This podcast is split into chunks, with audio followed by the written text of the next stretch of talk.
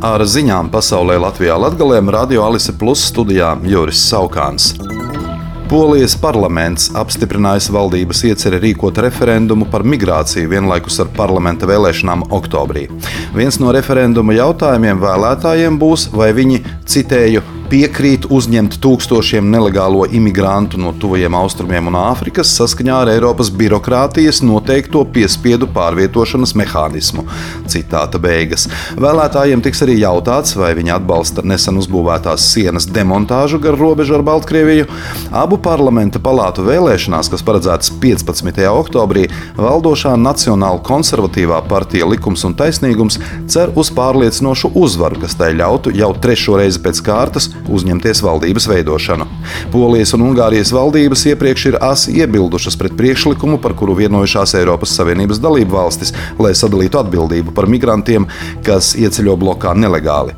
Dalību valstīm būs vai nu jāuzņem daļa no nelegālajiem imigrantiem, vai arī jāiemaksā atbalsta fondā aptuveni 20 tūkstoši eiro par katru migrantu, ko tās atteikušās uzņemt. Polija, kas ir uzņēmusi aptuveni 1,2 miljonus kara bēgļu no Ukrainas, var pretendēt uz mazākām Eiropas Savienības prasībām. Referendums ietvers vēl divus jautājumus. Vienu par atbalstu dažu valsts uzņēmumu privatizācijai, un otru par pensionēšanās vecuma paaugstināšanu. Krievijas aizsardzības ministrija šodien paziņojusi, ka Krievija un Ķīna norganizējušas kopīgas jūras spēku mācības Klusajā okeānā, izspēlējot glābšanas operācijas un gaisa uzlidojumu atvairīšanu. Publiskotajā video redzami deviņi lieli kuģi ar apkalpes locekļiem uz klāja. Krievijas aizsardzības ministrija atklāja, ka kopš mācību sākuma Krievijas un Ķīnas karakuģi pieveikuši vairāk nekā 6400 jūras jūģu un pašlaik atrodas Austrum Ķīnas jūrā.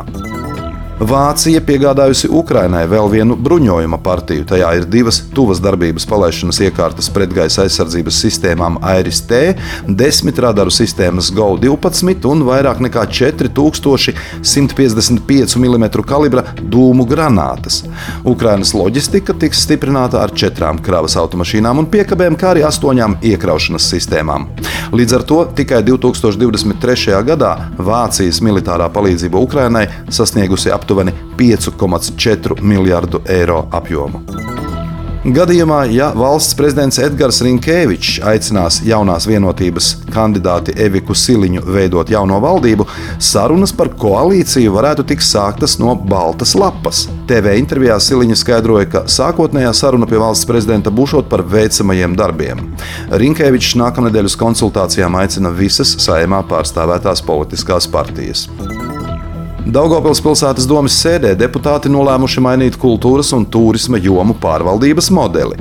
Izmaiņas, kas stāsies spēkā ar 1. oktobri, ļaušot efektīvāk koordinēt pašvaldības struktūru vienību darbu, kā arī pilnveidot un attīstīt vienotu un kvalitatīvu Daugopils kultūras un turisma piedāvājumu. Kā jau stāstījām iepriekš, Daugopils vienības nams kļūs par vadošo iestādi, kas īstenos valsts un pašvaldības kultūra politiku un koordinēs kultūras norises pilsētā.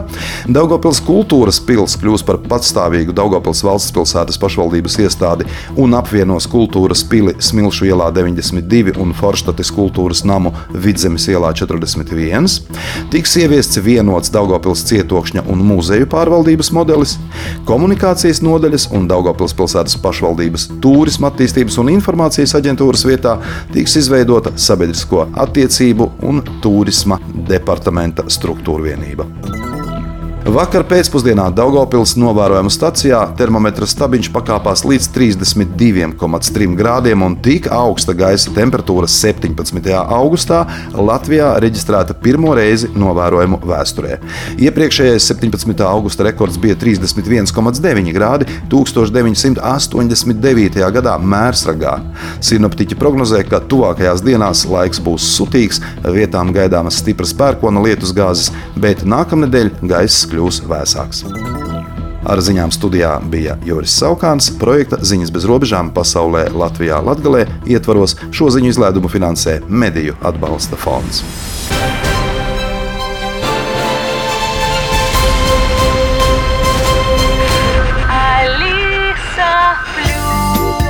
Radio